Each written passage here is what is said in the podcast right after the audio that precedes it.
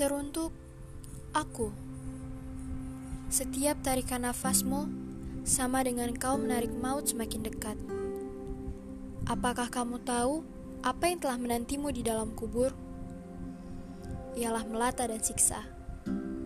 They are waiting for you. Mereka semua menanti untukmu.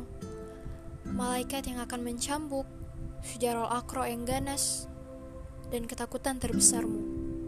Mereka semua menunggumu di sana.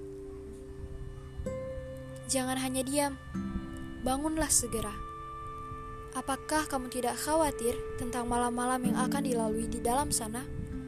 Gak ada lagi kasur yang empuk, selimut yang lembut, bantal dan guling yang bersarung, udara subuh yang sejuk, kicauan burung, dan sapaan matahari. Kemudian ditemani secangkir teh. Tak ada lagi aroma masakan di dapur Tak ada lagi rengkuhan ibu kala rapuh. Nilai A, piagamku, buku-buku kesayanganku, ruang kamarku. Tak ada lagi sapa dan senyum. Yang ada hanyalah tangis penyesalan. Aku ingin kembali, teriakku. Tapi lagi-lagi hanya tangisku yang terdengar. Siksa dan melata datang menemani penantian panjang ini. Aku hanya bisa menikmati setiap sakit dalam diri Tak kuat suara untuk kuangkat, tak mampu tangan untuk menghalau.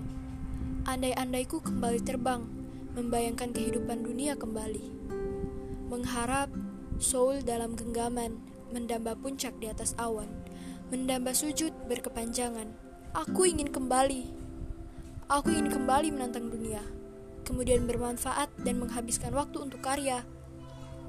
Tidak ingin ku tengok wajah-wajah kaum ajnabi Andai ku tahu, itulah penyebab siksaku.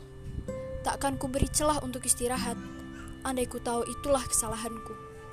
Kemudian yang ku bisa sekarang hanyalah menatap kosong ruang gelap ini.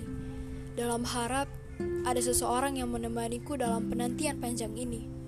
Ku harap aku kebal atas cambukan di tubuhku. Ku harap tak kurasa melata yang membantu siksa menggerogoti tubuhku. Andai kembali ragaku ke dunia, takkan kubiarkan waktu mengacuhkanku.